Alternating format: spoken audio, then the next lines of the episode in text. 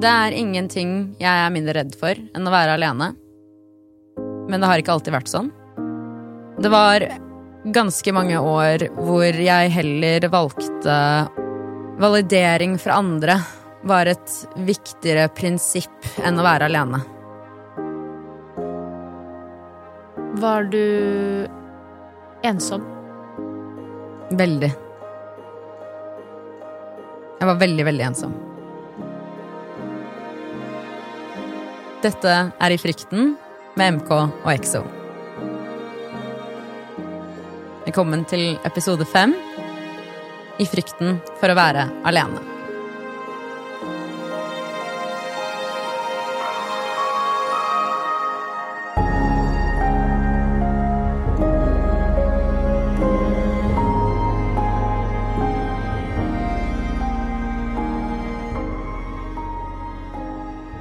Jeg tenker eh, vi bare hopper rett inn på utgangspunktet og lurer på Hva er det som kommer til deg når du tenker på denne frykten for å være alene? Det jeg tenker, er at min frykt i forhold til det å være alene handlet egentlig mest om at jeg valgte heller å søke etter validering fra andre enn å være alene. Og det er fordi den første og gans, en veldig stor og veldig, veldig, veldig, veldig mange år, typ fra barndom til eh, Kall det eldre ungdom, så var jeg stort sett alene. Hvordan oppdager man de tingene? Hvordan kan man vite om man er med de riktige eller ikke riktige relasjonene? I hvert fall på forholdsperspektivet, så Eller fra forholdsperspektivet, så tror jeg at det er egentlig ganske tydelig. Fordi du kjenner det jo inni deg når du er i en relasjon, og du ikke blir møtt for den du er. Og ja, den ensom altså Det er jo en veldig stor forskjell det å være alene og det å være ensom, tenker jeg, som også blir viktig å snakke om. Fordi den ensomheten som bygget seg opp i de relasjonene, og spesielt den jeg tenker på nå, eh, den er så all-consuming som overhodet mulig. Det er, ikke, kan, det, er en, det er, en, stemme som ikke kan ignoreres. Det, det, bare Det blusser opp større og større for hver dag. Ofte så føler jeg egentlig at man, ofte, at man egentlig er nesten mer ensom eller føler seg mer alene i de settingene som er feil for deg, enn det å faktisk velge det sånn Nei, jeg velger heller å være alene i dag. Jeg velger heller å gå meg en tur. Jeg velger heller å si nei til dette arrangementet fordi jeg kommer til å føle meg egentlig bare mer alene hvis jeg drar dit. For å finne denne innsikten um hvor er kjelleren? Hvor er det på en måte det blir uh, mørkt, og lyset går på? Det er et godt spørsmål. Um, for min del så er jo dette en litt sånn vanskelig episode å spille inn, fordi For meg så var det å være alene litt sånn omstendighetsbasert. Så nesten noe som bare var Ikke sant, dette er tilværelsen. Uh, basert på ulike ting gjennom oppveksten. Ja, mobbing. Uh, så det å, velge, det å, komme hjem fra skolen og heller bare og bare glede seg til å være alene og, bygge og lage sitt eget univers og fantasi og, eller sine egne fantasier. Og det var jo mye bedre for meg enn å f.eks. være på skolen blant andre. Og um, og så ikke minst en litt spesiell familiesituasjon som gjorde at jeg bodde alene Eller jeg bodde ja, alene hjemme, men ikke med foreldrene mine. Uh, fra da jeg var sånn 16-17, så de to siste årene på videregående. Um, Og da var jeg jo veldig alene, men sånn egentlig. Men jeg var eh, blant et miljø, da, og i en relasjon som Var du ensom? Veldig. Jeg var veldig, veldig ensom. Jeg likte alenetid. eh, borte fra skolen. Fordi da fikk jeg på muligheten til å drive med meg og mitt. Jeg har alltid vært veldig kreativ, så da kunne jeg liksom jobbe med egne prosjekter og forsvinne inn i den verden. Men ensomheten var jo helt var enorm. Jeg søkte jo etter det alle andre søker etter. Jeg hadde jo lyst til å passe inn, som man nå vet veldig godt. Å bli akseptert og ha et miljø og ha gode venner. Og jeg drømte om eh, liksom, det å ha bestevenner og en, en stabil kjæreste og mm, på en få det til i, i, i forhold til miljø. Jeg ville jo det mer enn noe annet. Og det skjedde jo, på en måte. Men det bare skjedde helt feil. Jeg eh, kom jo meg inn i et miljø, og fikk venner eh, eh, De man, vennene man får på videregående, og så. Og så kom jeg meg også inn i et forhold. Men eh, om det var rett for meg, og om det var eh, Ja, det er jo som jeg startet med, da. Jeg, disse relasjonene var jo mer enn sånn Nå har jeg endelig fått det jeg drømmer om.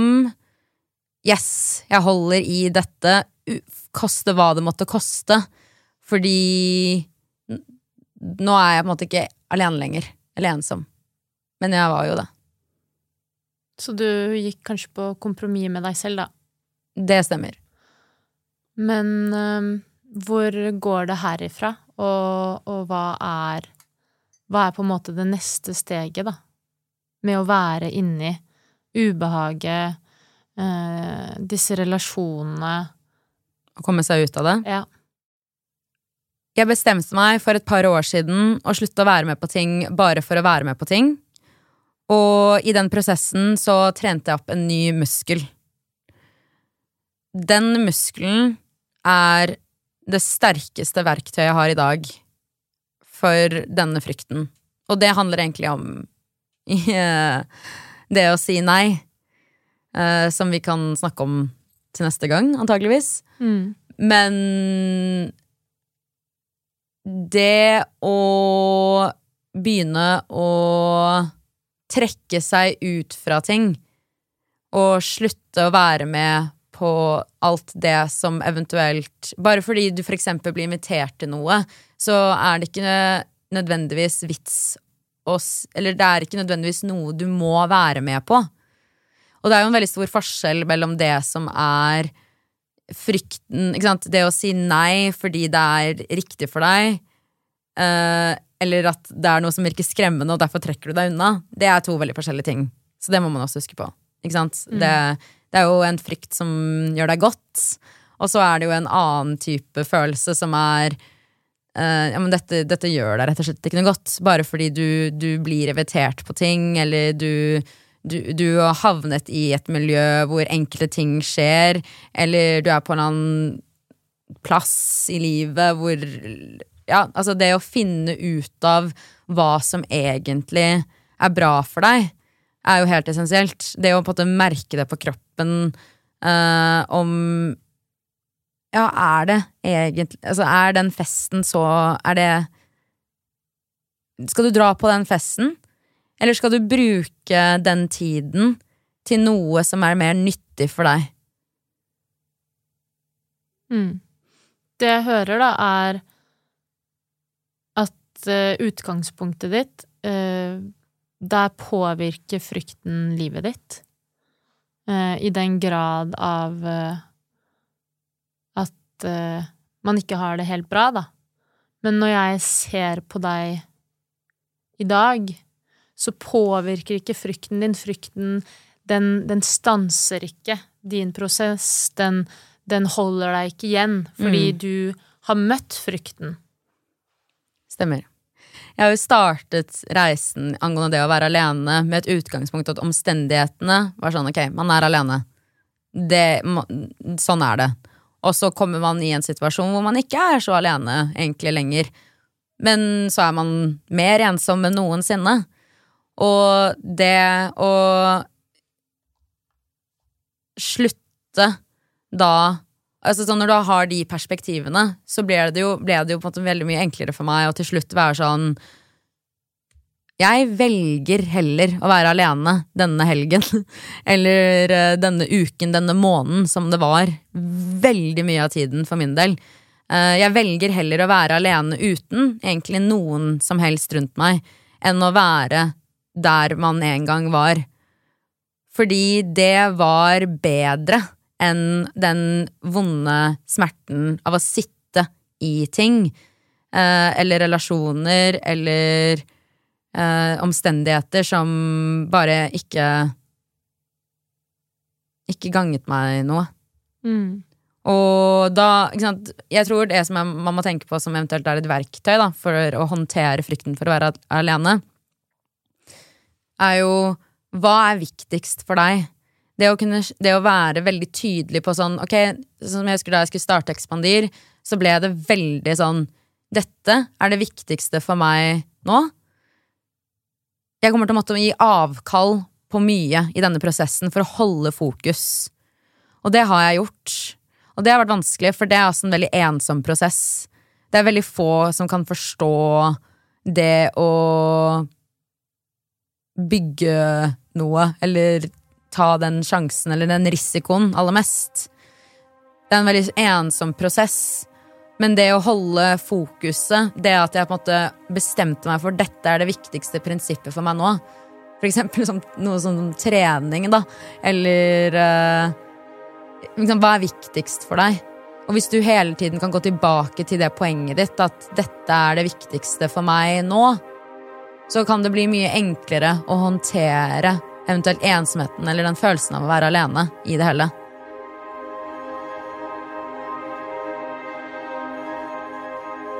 Men for meg, da, så husker jeg veldig godt at ja, jeg var en lonely wolf.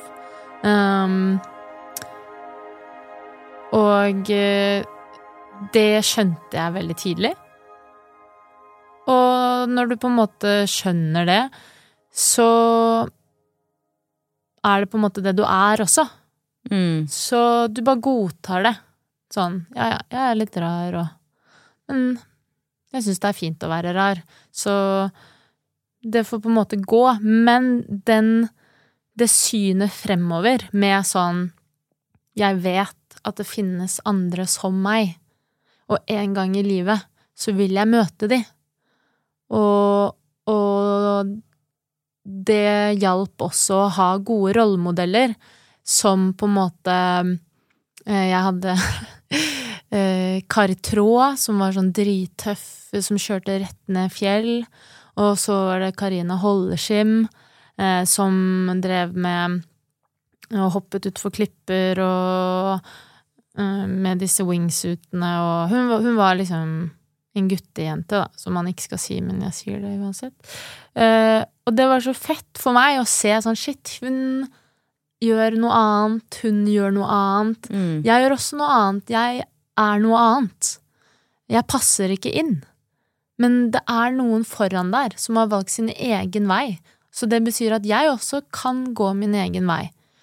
Og det å liksom tro litt på det, da. Og, og så har jeg liksom sett på liksom i forberedelsene til i dag at sånn, herregud eh, Jeg flyttet jo hjemmefra da jeg var 16, og dette var jo for å finne flokken min, antageligvis, fordi jeg var alene, og jeg lurte på hvor flokken Hvorfor? min var. Um, Kult.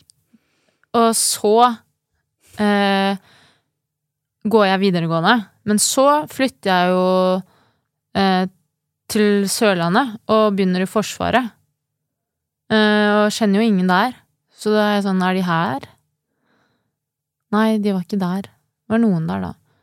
Og så drar jeg til Lofoten, på folkehøyskole, og er sånn Ja, her er det noen.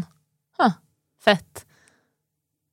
Og så drar jeg tilbake til Oslo, og på en måte begynner på en skole, og der møter jeg på en måte de som er mine beste venner i dag. Um, studerer entreprenørskap, møter flere ensomme ulver, uh, og vi liksom Så det er Danner liksom, deres egen Ja, men, men også sånn derre Vi har holdt ut, da, og vi har klart det, og, og gleden av det er ikke så fett å være så ensom når du går på barneskolen og ungdomsskolen. Jeg var ikke så ensom på videregående, men um, Og så får du premien din, fordi du har turt å være den rare versjonen. Du har turt å være deg selv. Mm. Du har vært ensom, men, men sånn som jeg um, Jeg sto på en måte heller alene enn å være med noen, ikke sant? Ja, men det jeg lurer på da, er hvordan bygger man opp den kalde staminaen til å stå i og være alene? Jeg tror det har noe med miljø og hvem, hvem du er. Og jeg hadde jo en mor som på en måte alltid motiverte meg til å være med mennesker som ga meg energi. Ikke sant? Det har jo jeg nevnt. Og hvis du på en måte det blir din religion, da, og alle rundt deg bare er har dårlig selvtillit og selvfølelse, og ja, da finner du ut, akkurat sånn som du finner ut etter hvert, at det er bedre å være alene. Men jeg, jeg har jo alltid vært eh, liksom en god venn også. Mm. Og det handler jo også om at det er jo noe jeg har lært av uh, min mor. Ikke sant? Det, der, det, er, jo, det er jo idrett. Du må, du må, jo tro at du skal score hvis du skal score. Du må jo Ikke sant? Så det, det er jo den derre Det å bygge opp de tankene Jeg er jo heldig som, som lærte meg det tidlig. Men, men det er jo det viktigste i livet, er jo å være din beste venn. Hvordan blir man det? Man jobber. Akkurat som alt annet. Sånn som du sa, det er en muskel. Alt som du vil ha mer av, bli bedre på, det, det må trenes. Hvorfor skal man ville å være alene, når man på en måte vet altså, husker, Vi kom jo inn på denne tematikken fordi i forrige episode så spilte vi inn I frykten for å starte på nytt. Mm. Og så innså begge to wow, å starte på nytt Og det er jo egentlig det som er gjennomgående i historien, i hvert fall min her, da, er at å starte på nytt, som jeg har, med så mange forskjellige ting, uh, innebærer å velge å være alene det er en ensom reise. Fordi du må på en måte trekke deg ut fra det som er. Om det er et dårlig forhold, om det er en um, ja, vennegjeng man ikke trives i. Om det er en ny karrierevei, så må man velge å, å si 'dette vil jeg ikke'. Men hva hadde skjedd om du ikke gjorde det? Hvor hadde du vært i dag om du ikke turte å være alene? Jeg hadde vært der jeg, der jeg var. Ja, og hvordan hadde hun hatt det, da? Åpenbart ikke bra. Men hvordan skal man Det er det man må vite. Det er, det er sånn som man skal, man skal ut og trene, ikke sant? Så er det sånn dørstokkmila, som man snakker om, som er sånn jeg har ikke så lyst til å løpe i dag. Jeg er litt sliten etter jobb, og når jeg, der, jeg trente jo forrige måned, så det er ikke så Altså sånn derre Jeg vet jo at Jeg tenker liksom alltid på Å, fy faen, det er så digg etterpå! Nå er det helt jævlig. Noen ganger så sier jeg bare at jeg skal ut og gå for å lure meg selv. Og så plutselig går jeg, og så er jeg Kommer det en eller annen person, og så er jeg konkurranse, og så løper jeg liksom med den personen. Og så er jeg i gang. Så det er liksom litt den samme, da, sånn derre Det gjør veldig vondt der og da, men det er så sykt verdt det. Og den tror jeg man kan ta med seg inn i ganske mange steder i livet, da. Hvordan skal man egentlig stå i å være alene? Mm. Ok. Se for deg at uh, din beste venn sitter ved siden av deg. Du forteller hvor uh, dum og forferdelig og svak og eh, tviler. Um, hvor, hvorfor er du her? Hva, hvem tror du du er? Altså, man behandler jo aldri sin beste venn på den måten. Det derre å lære seg å snakke sånn som du gjør til dine venner, og gi kjærlighet og heie og Jeg bruker jo det liksom den dag i dag at ok, jeg er min beste venn. Jeg, det er jeg som må anerkjenne meg selv. Det er ikke noen andre. Det er jeg som må fortelle meg hva jeg er god på, hva jeg kan, eh, hvor mitt potensial er, eh, hvorfor jeg kan få til det jeg vil. Um, Heie seg selv frem. mm, Så kanskje skrive en, en liste til seg selv.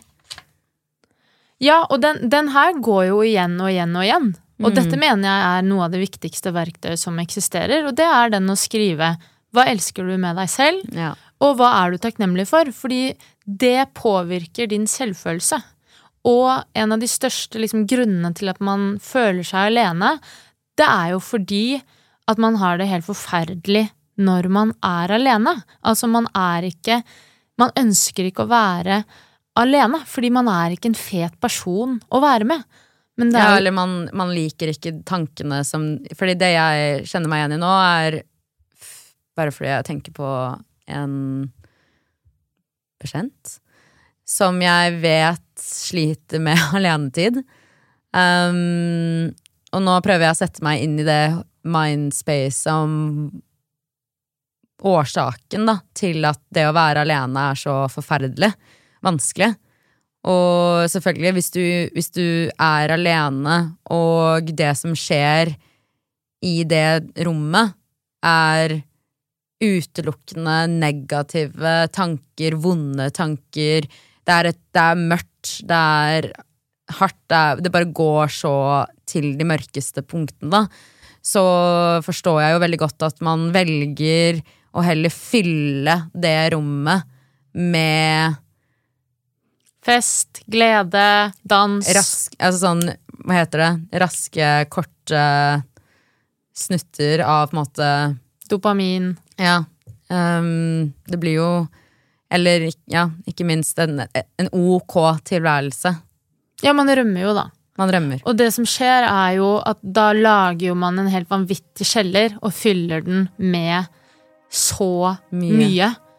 Og til slutt er den kjelleren full. Og Mm. det kommer jo til å ta deg igjen.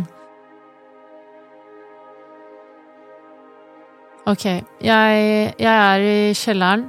Eh, der har jeg lagret ting hele livet mitt. Det er eh, barndomsleker. Det er eh, traumer. Eh, det er eh, dårlige opplevelser og dårlig stil. Eh, det er bokser med ting jeg aldri trengte, og med gleder og med sorg, og det begynner på en måte å bli helt fullt der.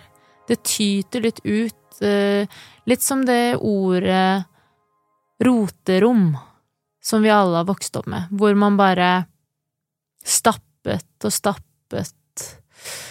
Og det var helt greit å ha et sånt rom, eh, og det forklarer vel kanskje litt temperaturen på dette her, at eh, La oss ikke ta det nå, la, legg det ned i kjelleren, vi får kanskje bruk for det en gang.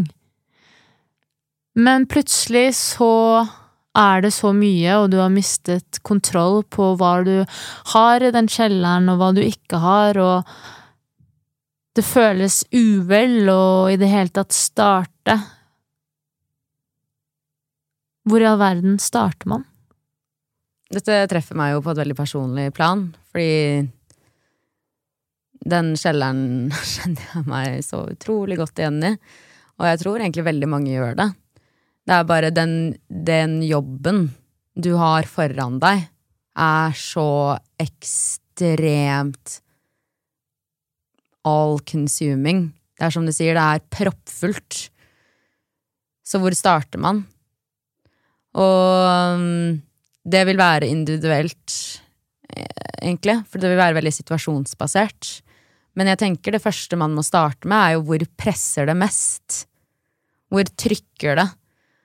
Uh, og for min del så trykket det på Jeg følte meg kvalt av uh, luften rundt meg. Så jeg måtte liksom klippe den, kli kortslutte. Og da ble motivasjonen å, og, finne et lufterom hvor jeg faktisk kunne puste. Og det var Og det hjalp å si til meg selv Det er så enkelt å si på en måte nå, men bare 1% I det verste skjeller, kveling Jeg klarer ikke mer. Um, det noen ende ta? Den Og bare 1% For å finne ut av det jeg beskriver, så kan du ta et stykke teip og identifisere alle gjenstandene. Ta et stykke teip med en Post-It og skriv eh, miljø. Ta et stykke teip og skriv forhold. Ta et stykke teip og skriv kolleger. Eller karriere. Ta et stykke teip og skriv forholdet til deg selv. Fordi der ligger alt. Og den listen kan jo være lang. Den kan, den jo kan være, være med helse. Mm. Um, den kan være med familie. Um, hele den derre behovspyramiden, da. Ja. Og så um, tenker jeg at man må kategorisere dette og finne ut av hvordan man skal starte. Og det, det jeg ville gjort, er å lage en prioriteringsliste. Og prior, prioritert hva som må luftes, eller hva som må ut. Og det er, ikke sant, Du kan jo ikke starte med alt. Jeg husker, ja, faktisk, nå husker jeg en ting jeg gjorde. Jeg skrev en liste uh, i mine notater, som jeg har der. Uh, hvor jeg skrev sånne tankebobler med alt jeg følte var sånn Dette her er, ut, dette er liksom reisen fremover. Dette er mm. utfordringen. Dette er på en måte bulk. Ekspandir er en bulk. Uh, forholdet til meg selv er en bulk økonomi er en bulk. Um, og så så jeg veldig tydelig hva som ligger foran meg. Men det å tro at man skal løse alle på en gang Så så når jeg ser tilbake, jeg så på den her om dagen, og så var jeg sånn Oi, det er veldig gøy å se at uh, på måten jeg bygget opp det, den tankeboblen, mm. så, har jeg, så, har jeg, stegvis gjort det akkurat som jeg tegnet opp, og jeg har ikke engang sett på dette. Det er bare at jeg gjorde det tilfeldig. At jeg skrev ned sånn, ok, dette her kommer til å bli byggeklossene fremover. Mm. Og, og, det å nå se tilbake og se hvor mange år eller tiden det har tatt. Da. Det har jo både tatt langt og kort altså Det er reisen til å skrive de punktene. Men siden da så har det bare vært Det er jo ikke mer enn litt over et år. Mm. Og Men én etter én.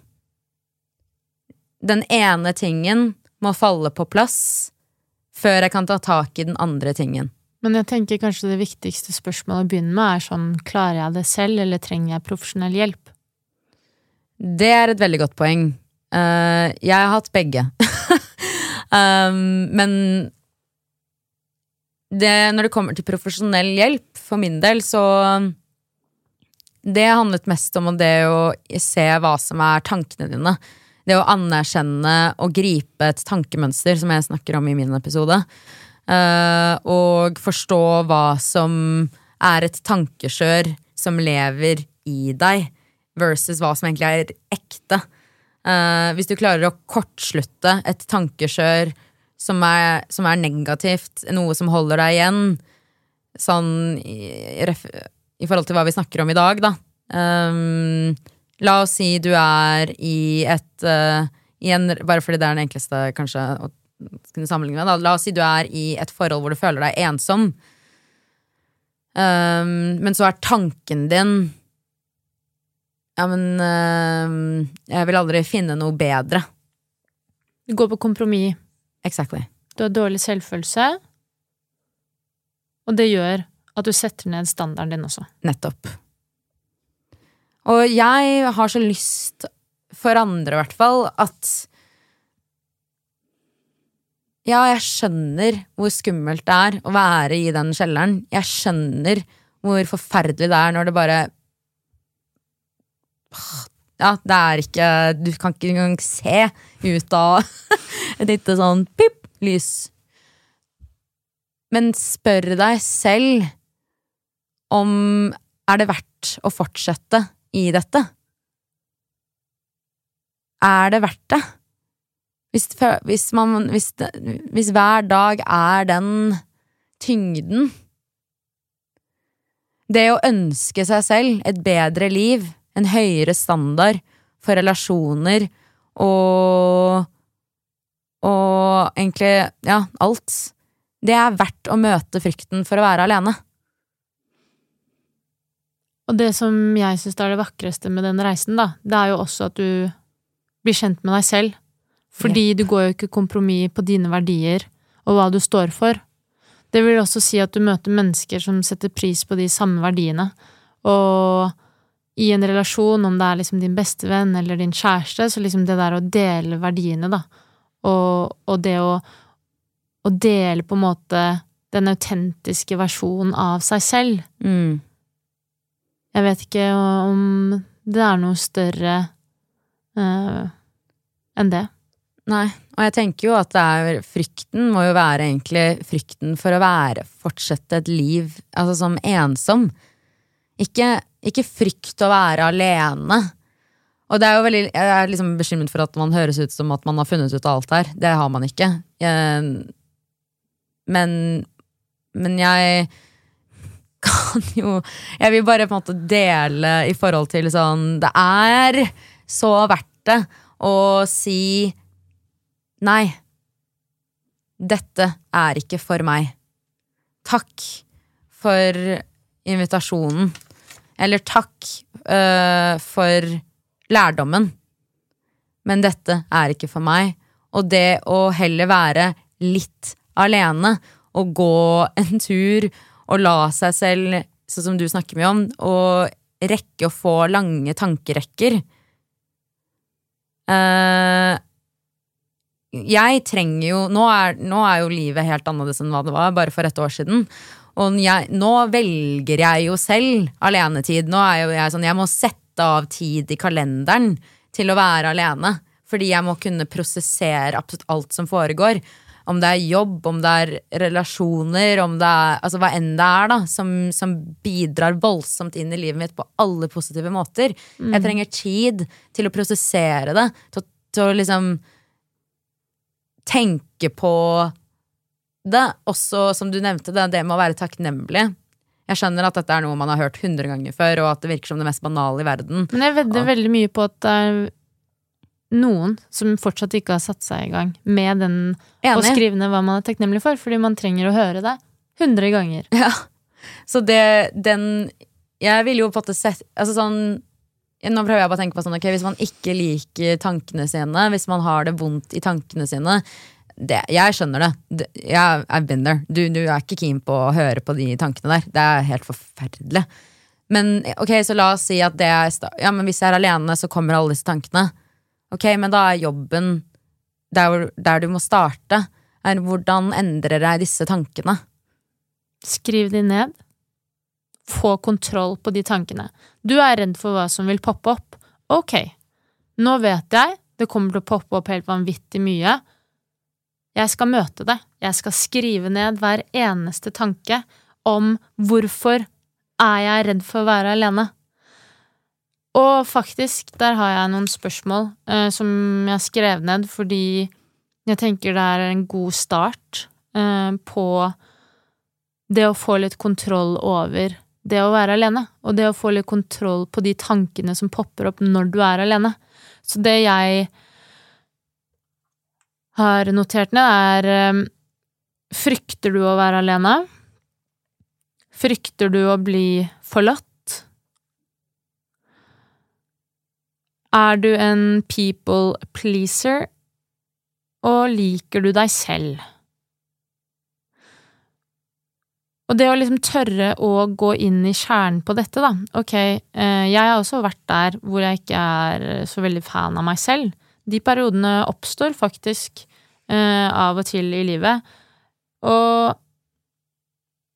en av de første testspørsmålene da er sånn Når trente jeg sist? Fordi det er bare natt og dag for meg å trene og ikke. Og sånn har det vært hele livet. Um, ok, like meg selv. Ok, hva, hva er det jeg bruker tiden min på? Prioriterer jeg min tid til det jeg faktisk vil gjøre? Å nei, nei, nå har jeg bare prioritert andres behov, ja. Jeg er ute og pleaser, ikke sant? Det er derfor den derre er du en people pleaser? Mm. Fordi at Ja, ja. Jeg meg. hvis du er ute og Eller for min del sier ja til ting fordi jeg føler at jeg må. Det er ofte Ja, den eh, på den people pleasing-siden som får meg igjen til å tenke på den muskelen som jeg har lært å trene opp, da, eh, i forhold til å håndtere frykten for å være alene. Jeg vil si at den er todelt, for på den ene siden så er det som jeg nevnte i sted, det å veie, eller vekte imot hverandre, eh, hva som er viktigst.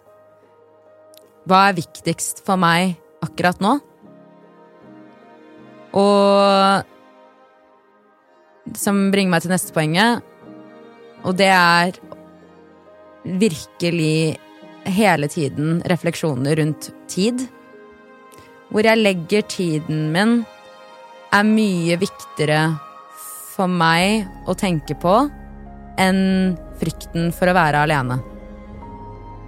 Og på grunn av det så innser jeg at den viktigste, kanskje den viktigste tingen å ha i verktøy, verktøykassa for akkurat det der, er i frykten for å si nei.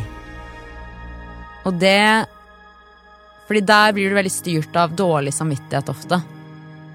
Jeg merker når jeg får beslutningsvegring rundt noe, så er det et eller annet som skurrer. Og det er vel dit vi må neste episode. mm. Og bare så du vet det, ironisk nok så er du ikke alene om du føler deg alene. Du er aldri alene.